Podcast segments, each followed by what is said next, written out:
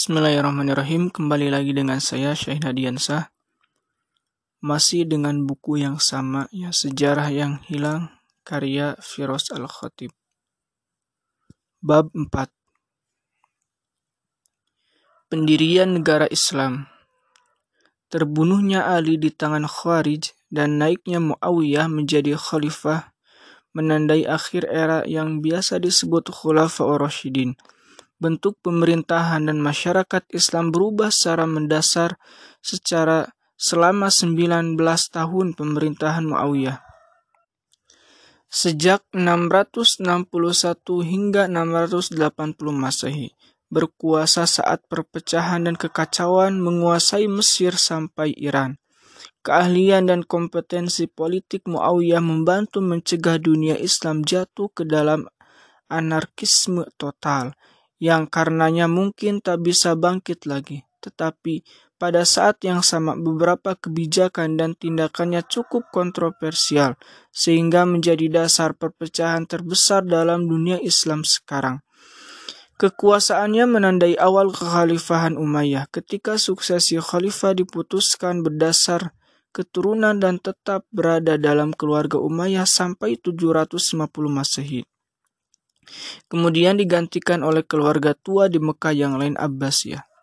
Muawiyah, meskipun sudah ada usaha lewat arbitrase, lewat arbitrase, solusi nyata bagi perselisihan antara Ali dan Muawiyah tak pernah terjadi. Tahun terakhir Khalifah kekhalifahan Ali ditandai perpecahan de facto antara kekuasaan Muawiyah dan Ali tetapi dengan wafatnya Ali, Muawiyah bebas memperluas kekuasaan di wilayah-wilayah yang sebelumnya setia kepada Ali dan menyatukan dunia Islam di bawah perintahnya.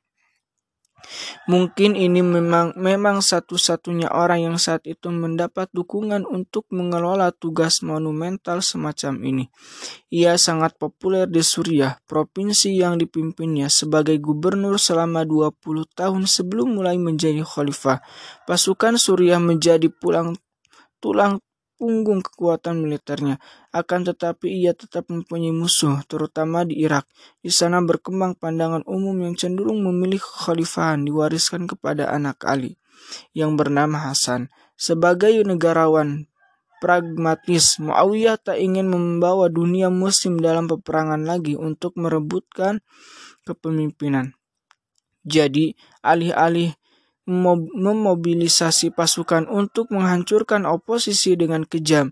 Ia menegosiasikan perjanjian dengan anak Ali. Hasilnya, Hasan akan menyerahkan seluruh klaim kepemimpinan dan menghabiskan hidup untuk kegiatan ibadah dan ilmu pengetahuan di Mekah. Di bawah permukaan keinginan sebagian orang untuk dipimpin oleh keluarga Ali tetap ada, tetapi tak pernah menjadi ancaman nyata bagi kekuasaan Muawiyah. Khalifah juga mengandalkan negosiasi dan perjanjian dengan lawan-lawan potensial lain. Dalam banyak cara Muawiyah memerintah seperti pemimpin suku Arab pra-Islam menggunakan hubungan keluarga, kode kehormatan tak tertulis, dan hadiah untuk melancarkan jalan politiknya. Karena semasa muda ia tinggal di Mekah dan menyaksikan ayahnya memimpin Quraisy. Tak diragukan lagi bahwa tradisi lama ini tertanam dalam gaya politiknya. Tetapi pada saat yang sama, Muawiyah mulai mengubah sistem kekhalifahan menjadi monarki. Dialah khalifah pertama yang duduk di tahta di tahta dan sholat di area tertutup di masjid yang melindunginya dari kemungkinan pembunuhan. Ia tak lagi mengikuti jejak sederhana dan bersahaja seperti empat khalifah pertama, malahan budaya keluarga e, raja dan istana yang sebelumnya mewarnai kaisaran Roma dan Sasanid menjadi bagian khalifahan untuk kali pertama setelah Nabi wafat. Khalifah sekadar menjadi yang pertama di antara yang setara, dan banyak kisah bertahan tentang asketisme empat pemimpin awal seperti Umar yang tak dikenali orang biasa atau menolak pengawalan khusus. Muawiyah menjembatani khalifah sederhana sebelumnya dan monarki sesudahnya. Ia berjalan-jalan ke pasar Damaskus dengan baju bertambal saat masjid besar dan rumit dibangun oleh para arsiteknya. Sebagai upaya untuk mengurangi tekanan perpecahan politik di antara musim, Muawiyah memilih fokus untuk memperluas batas-batas khalifahan. Ini mengingatkan akan sosok Umar yang fokus terhadap ekspansi keluar setelah perang dalam negeri di Perang Tabuk. Muawiyah mengirim pasukan untuk meneruskan perang melawan Kekaisaran Bizantium di darat dan laut. Pulau penting seperti Rhodes dan Kreta di Laut Aegea diduk diduku, diduduki oleh Angkatan Laut yang didirikan Utsman didukung kemenangan ini. Untuk kali pertama pasukan musim mampu mengepung Konstantinopel, ibu kota Bizantium. Kota legendaris ini dipandang penting sejak hari-hari awal Islam.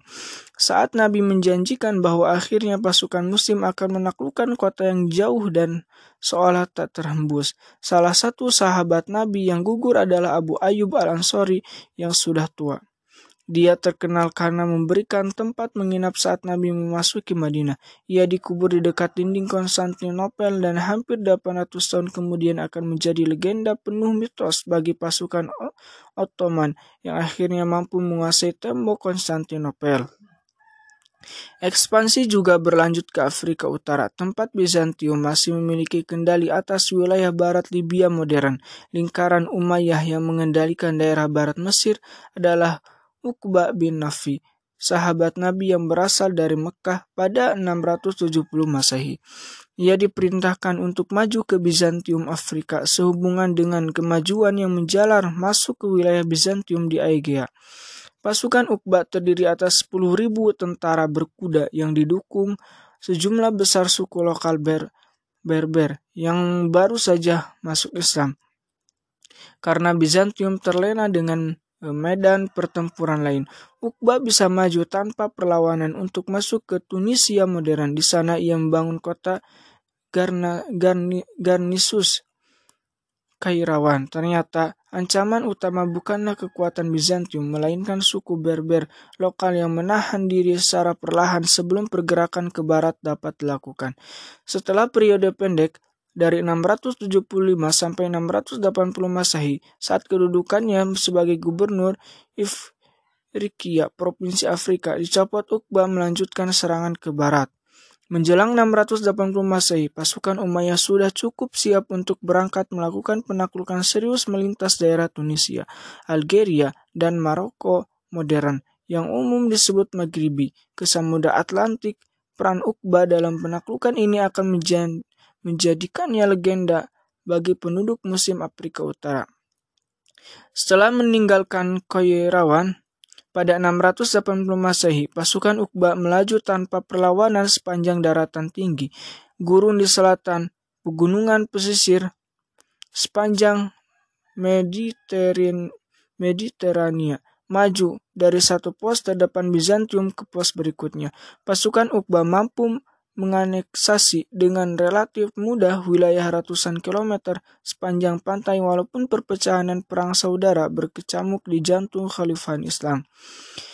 Salah satu penjelasannya mungkin tentang penaklukan yang tampak menakjubkan ini adalah perbedaan bahasa, budaya dan agama antara Berber Afrika Utara dan penguasa Bizantium.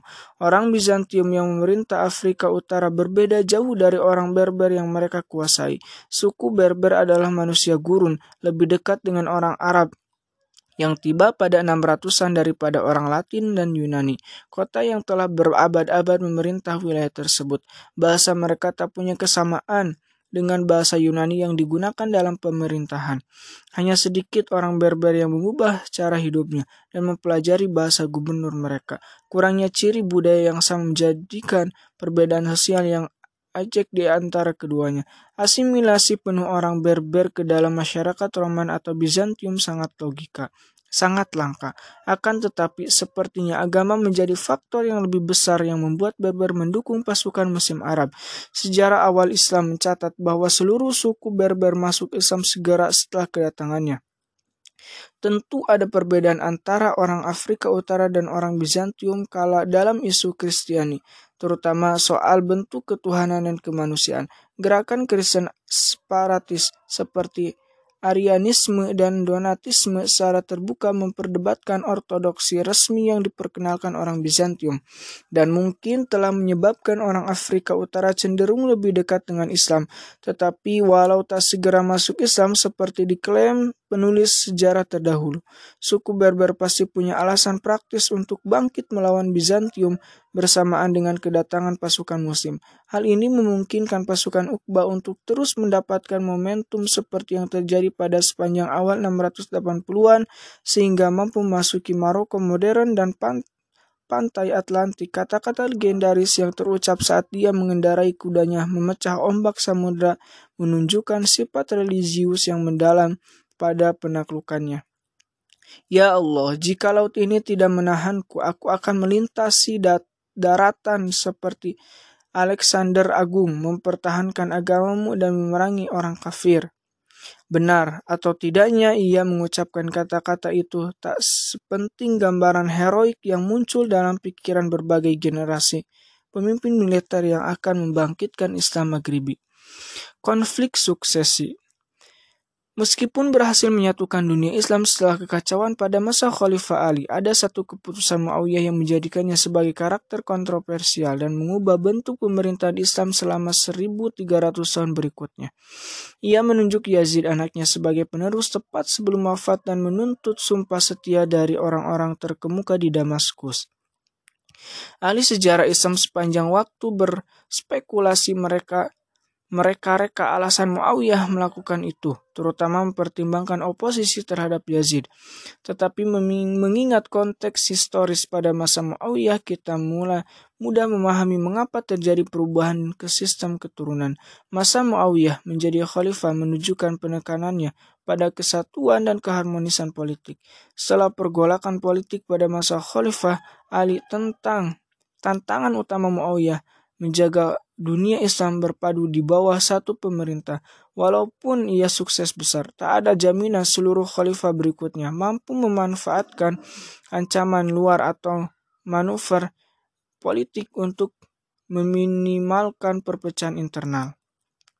Dengan demikian Muawiyah merasa bahwa satu-satunya cara untuk melindungi persatuan dan keharmonisan sosial adalah dengan memotong kemungkinan perang suksesi dan menjadikan khalifah berdasarkan keturunan. Akan tetapi seperti yang telah terjadi pemilihan Yazid bukannya tanpa kontroversi. Tak seperti ayahnya Yazid belum pernah mengenal langsung Nabi dan tak memiliki aura yang terlihat pada para sahabat. Selain itu, ada rumor yang beredar di kota suci Mekah dan Madinah tentang kehidupan Yazid yang penuh dosa. Alkohol, gadis, penyanyi, dan kemewahan berlebih mengiringi kehidupan Yazid. Jauh dari gaya hidup beriman dan sederhana seperti yang didakwahkan Nabi, benar atau tidak, tuduhan ini cukup bagi sebagian orang untuk memberontak, seperti Abdullah bin Al-Zubair, anak Zubair yang menentang Ali. Permasalahan bertambah pelik karena sebagian orang di Irak ingin menyaksikan keturunan Ali mendapatkan gelar khalifah di dunia Islam. Hasan, anak tertua Ali, sudah wafat di Mekah dan masa pemerintahannya Muawiyah, maka dukungan pun jatuh ke tangan Husain adiknya. Cucu Nabi Muhammad ini tertarik dengan kota Kufa di Mesopot di Mesopotamia karena janji dukungan pendukungnya karena janji dukungan penduduknya, menentang saran Abdullah bin Azubair yang memperingatkannya bahwa orang Irak akan membelot begitu ada kesempatan. Husain bersiap mendirikan basis di Irak pada 890 Masehi agar dapat menentang Umayyah di Suriah seperti yang dilakukan ayahnya 25 tahun lalu. Saran Abdullah terbukti tepat. Penduduk Kufa melepaskan dukungannya kepada Husain bahkan sebelum ia sampai Yazid telah mengirim gubernur baru ke kota tersebut untuk membasmi setiap oposisi dan memastikan penduduk tidak bangkit memberontak melawannya. Tampaknya aksi unjuk kekuasa kekuatan Yazid telah mendesak penduduk kota untuk mengingkari janji dukungannya kepada Husain. Padahal Husain mengandalkan dukungan tersebut dan bepergian ke Kufah hanya dengan sekitar 70 anggota keluarga dan sahabat. Hampir tak mungkin punya kekuatan untuk menggulingkan Yazid di pandang Karbala yang ber, di padang Karbala. yang berjarak sekitar 80 km di utara Kufah, Husain dikepung oleh kekuatan Yazid yang kemudian membunuh dia dan mengikut dan pengikutnya. Perang Karbala nantinya menjadi salah satu legenda tentang pendirian aliran baru yang berbeda Syiah. Pemberontakan Abdullah bin Az-Zubair tak lebih baik hasilnya. Setelah membunuh Husain, masyarakat di dunia Islam umumnya mendukung perlawanan terhadap pemerintahan Umayyah. Lagi pula Husain adalah cucu kesayangan Nabi. Pembunuhan keturunan Nabi mengejutkan banyak pengikut yang soleh. Abdullah menggunakan oposisi terhadap Yazid untuk mendukung pemberontakannya sendiri melawan Bani Umayyah ia menyatakannya di Mekah pada 680 Masehi. Dengan dukungan semacam itu, pemberontakan Abdullah tak bisa ditumpas semudah Hussein. Bahkan Yazid tak pernah mampu memadamkan pemberontakan di Hijaz dan meninggal pada 683 Masehi tanpa kekuasaan penuh di khalifahan. Setelah kematian Yazid, kendali Bani Umayyah seolah runtuh di mana-mana di dunia Islam. Penerus Yazid seorang anak muda yang sepertinya tak tertarik pada pemerintahan, hanya berkuasa selama beberapa bulan hingga kematiannya. Abdullah menyatakan diri sebagai khalifah dan mendapat sumpah setia dari penduduk Irak. Mesir, dan bahkan golongan pinggiran Suriah itu sendiri, akan tetapi melalui perpaduan antara politik kekuasaan dan pertempuran terbuka Bani Umayyah mampu mengambil alih kendali kekhalifahan di bawah Marwan, salah satu keponakan Muawiyah di bawah Marwan dan anaknya. Abdul Malik Bani Umayyah mengambil kembali kendali atas Suriah, Mesir, dan Irak, dan akhirnya memadamkan pemberontakan Abdullah bin Az-Zubair di Mekah pada 692 Masehi. Bani Umayyah bangkit dari ancaman kepunahannya untuk memperoleh kembali kendali penuh atas kerajaan Muslim. Ini pasti bukan kedamaian dan keselarasan yang diharapkan Muawiyah saat menunjukkan putranya sebagai saat menunjuk putranya sebagai khalifah. Akan tetapi begitu Bani Umayyah mengambil kendali periode perang saudara antara 680 dan 692 Masehi seperti tak lebih dari cegukan kecil. Pada akhir 600-an dan awal 700-an, Bani Umayyah melanjutkan periode kedua ekspansi militer cepat dan pertumbuhan ekonomi akan menandingi periode mana pun dalam sejarah Islam sebelum dan sesudahnya. Fakta bahwa Bani Umayyah menaklukkan sebagian besar Iberia hanya dalam waktu empat tahun dengan beberapa ribu prajurit, menandakan bahwa mereka mendapat dukungan dari penduduk lokal. Penaklukan lanjutan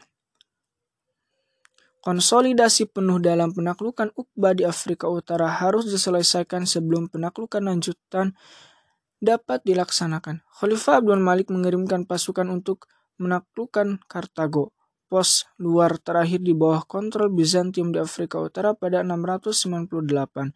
Dengan demikian, daerah terakhir Bizantium Afrika Utara lenyap setelah penguasaannya dipaksa mundur di, di Sisilia dan Yunani.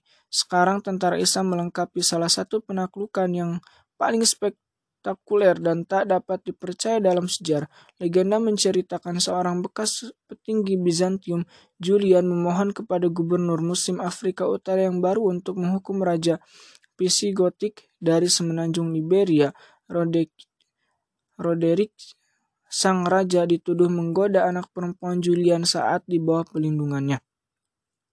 Julian bahkan berjanji menyeberangkan kekuatan ekspedisi Islam melintasi selat ke Spanyol untuk menuntut belas balas raja tiran tersebut. Benar atau tidaknya keberadaan Julian laporan tentang kekurusuhan di Spanyol Visigotik ditambah permohonan kaum Yahudi dan Kristen non-ortodoks yang teraniaya tentu mempengaruhi keputusan untuk menyeberangi selat dan pergi ke semenanjung Iberia.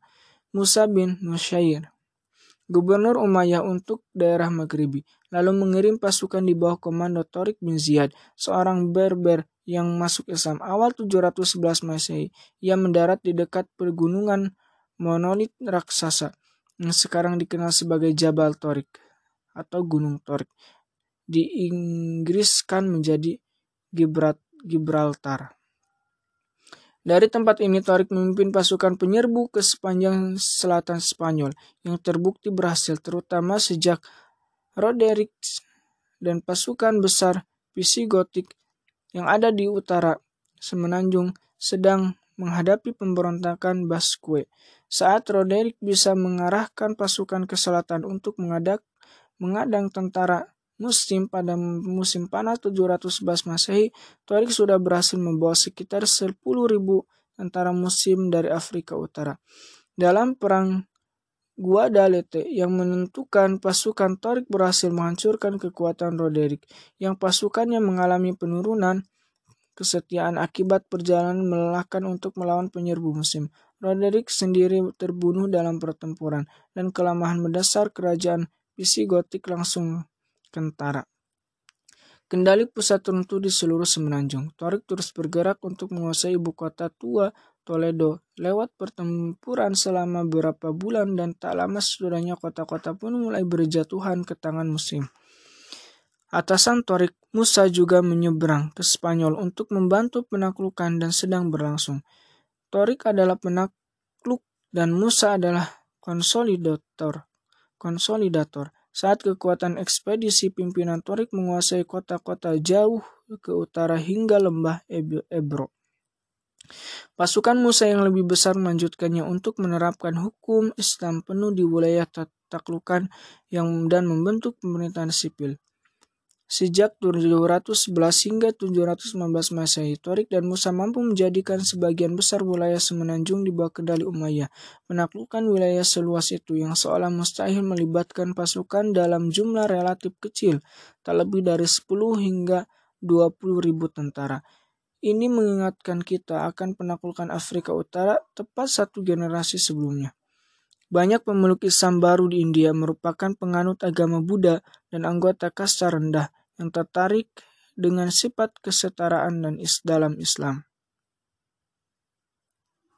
Penyerbuan lebih lanjut ke selatan, masuk ke Galia. Awalnya terbukti sukses seperti penaklukan Spanyol, pasukan Muslim berhasil maju sampai bagian selatan Perancis modern, menerapkan aturan Islam di Aquitaine dan Septimania pada 720 Masehi. Puncak invasi Islam ke Galia terjadi pada 732 saat pasukan di bawah gubernur Muslim Andalusia Abdurrahman al-Ghafiqi dikalahkan pasukan Prancis yang dipimpin Charles Martel di Perang Tours utara Prancis. Arti penting pertempuran ini menjadi bahan perdebatan para ahli sejarah. Sebagian berpendapat bahwa kemenangan Islam akan membuka jalan pada penaklukan penuh Eropa dan perpindahan agama ke Islam pada 700-an. Sedangkan yang lain mengecilkan pertempuran tersebut dengan menyatakan gerak maju al Gafiki ke utara Perancis tak lebih dari penyerbuan musim panas tanpa bertujuan menaklukkan. Penak, menaklukkan. Penting atau tidaknya pertempuran itu masih bisa di terbantahkan, tetapi kita menyoroti implikasi penerapan hukum Islam di Prancis dan sekitarnya bagi sejarah Eropa pada abad pertengahan. Ekspansi Umayyah awal abad ke-8 menjadi luar biasa karena tak terbatas pada Afrika Utara dan Spanyol. Secara bersamaan di sisi yang sebaliknya dan kerajaan, pasukan Umayyah bergerak maju menuju daerah tak dikenal yang bahkan pasukan Alexander pun tak berani. Mendatanginya pendorongnya adalah kapal dengan kapal dagang Muslim yang kembali dari Ceylon, Sri Lanka sekarang. Usai diserang bajak laut yang bermarkas di pojok barat Laut India, Sid.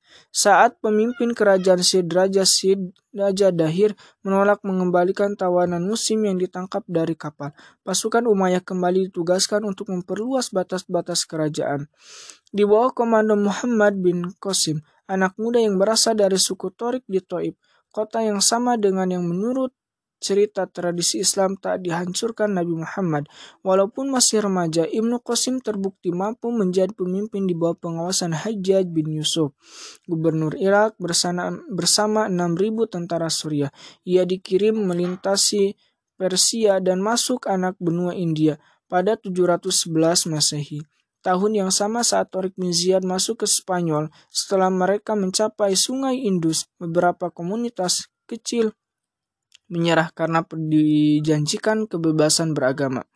Dibantu pejabat-pejabat kuil Buddha, pasukan muslim menguasai setiap kota dengan perlawanan relatif kecil. Akhirnya pasukan Ibnu Qasim bertemu Raja Dahir dalam peperangan di sepanjang sungai Indus. Dibantu penduduk lokal yang tak puas dengan kekuasaan Dahir, pasukan Muslim mampu menghancurkan pasukan Sindi. Dahir sendiri terbunuh dalam pertempuran. Gajah perangnya tak bisa mengadang anak panah api yang dilontarkan pasukan musim.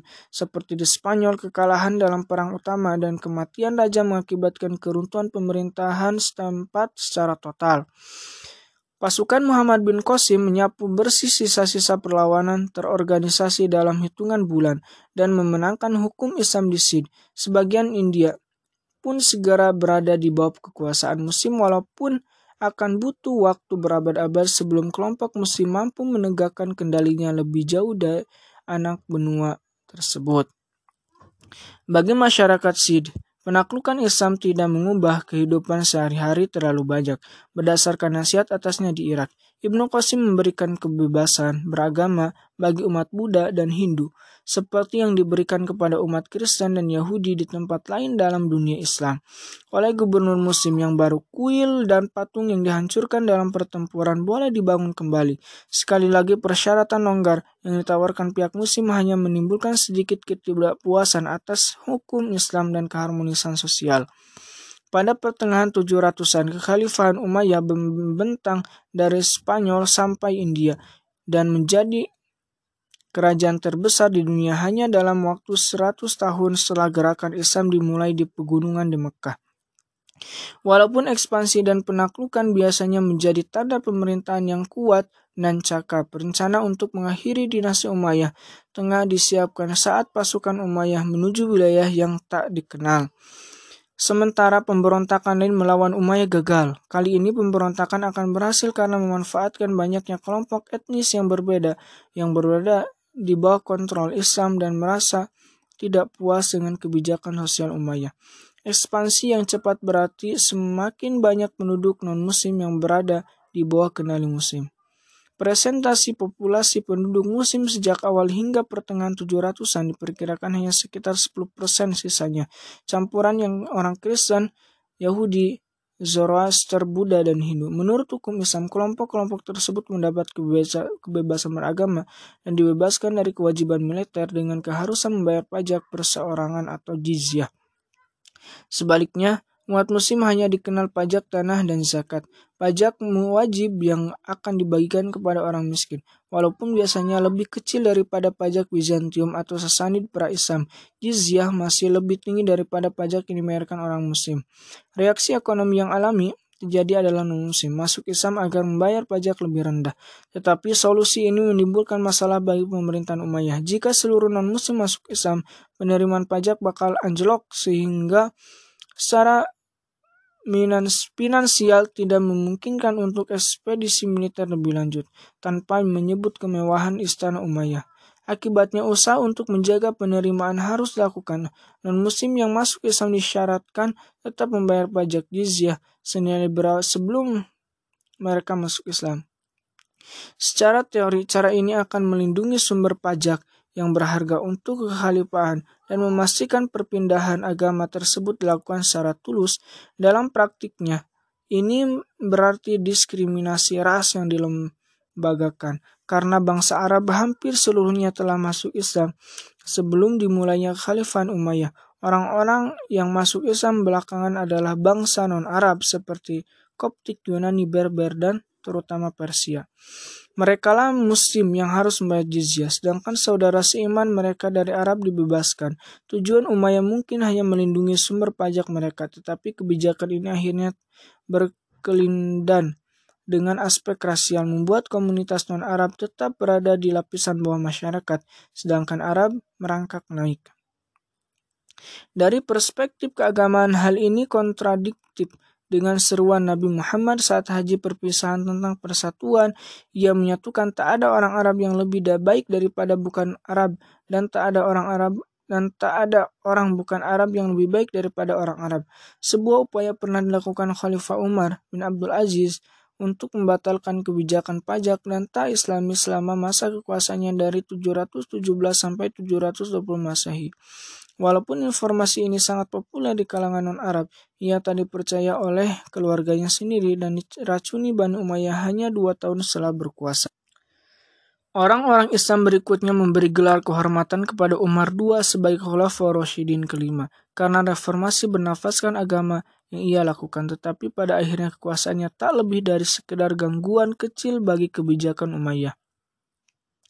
Dengan semakin meningkatnya jumlah non-Arab, yang masuk Islam ketidakpuasan akan kebijakan pajak yang tak setara pun berkembang. Menunggang gelombang ketidakpuasan ini, keluarga tua lain di Mekah bangkit untuk mengambil alih kekhalifahan Bani Abbasiyah. Revolusi Bani Abbasiyah Bani Abbasiyah mendapatkan namanya dari paman Nabi Abbas yang menjadi kepala keluarga klan tersebut. Mereka bermukim di tanah sebelah timur sungai Yordan setelah penaklukan Suriah dan secara umum menjauh, menjauhkan diri dari politik saat perang saudara berkecamuk pada 600-an.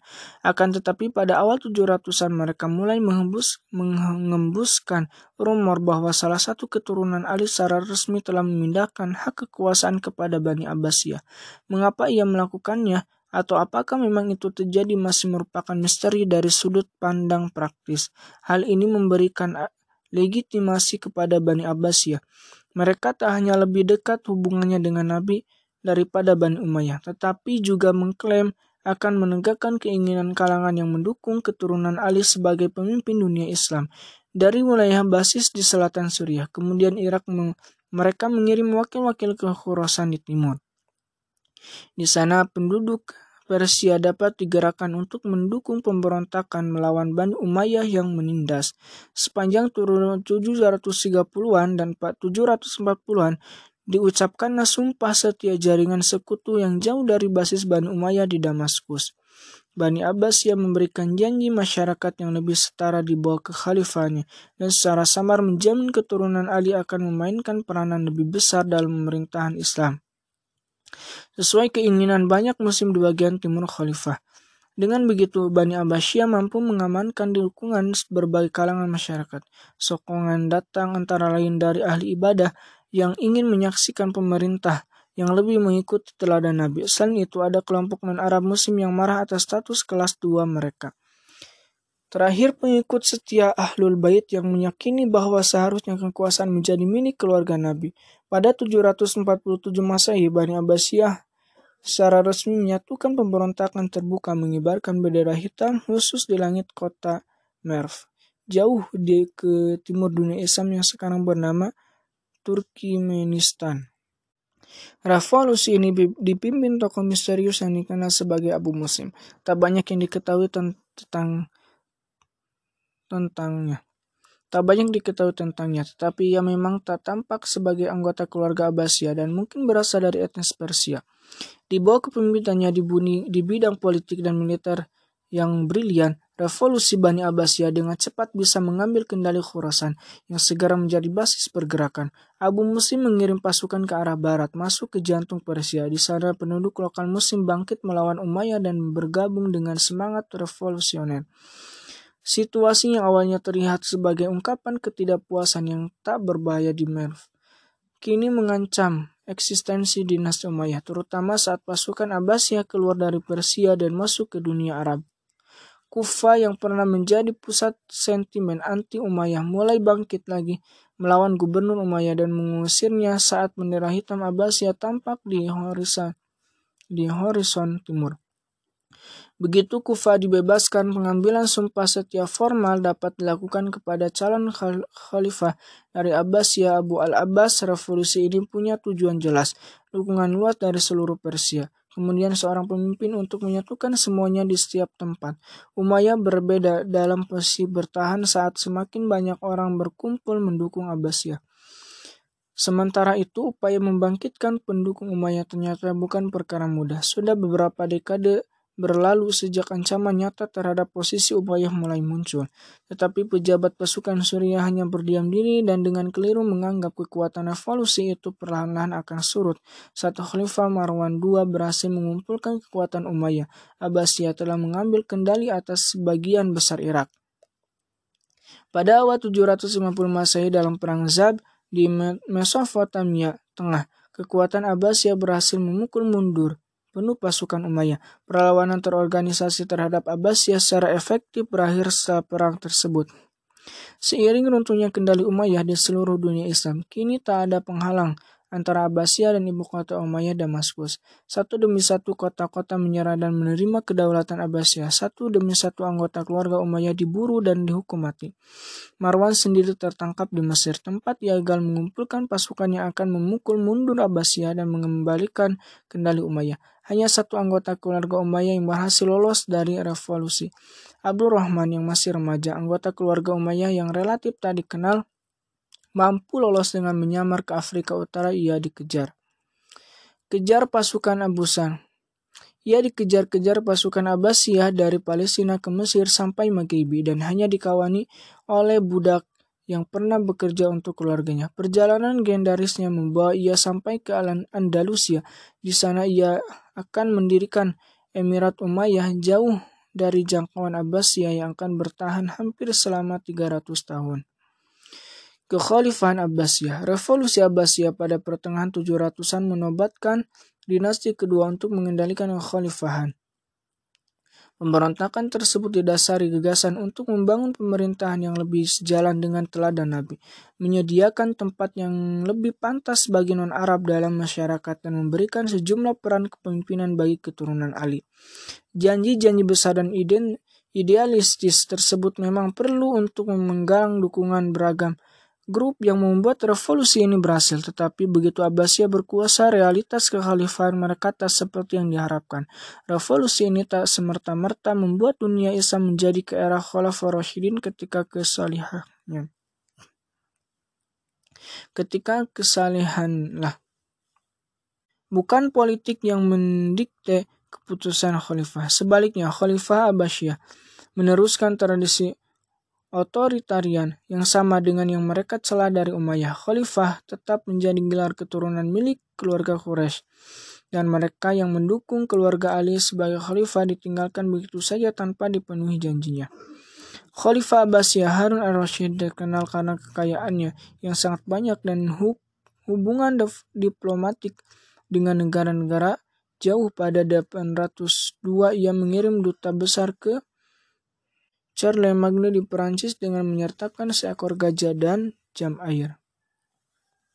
Satu hal yang benar-benar dimajukan Bani Abbasiyah adalah peran non-Arab dalam masyarakat. Walaupun jabatan khalifah tetap dipegang oleh orang Arab sebagian administrasi, semakin banyak diisi orang Persia. Selama ratusan tahun sebelum Islam, orang Persia telah mengembangkan sistem birokrasi yang kompleks tapi eksistensi tetapi efisien. Sekarang non-Arab tak lagi mengalami diskriminasi, maka pengalaman mereka dapat dimanfaatkan dalam pemerintahan kerajaan.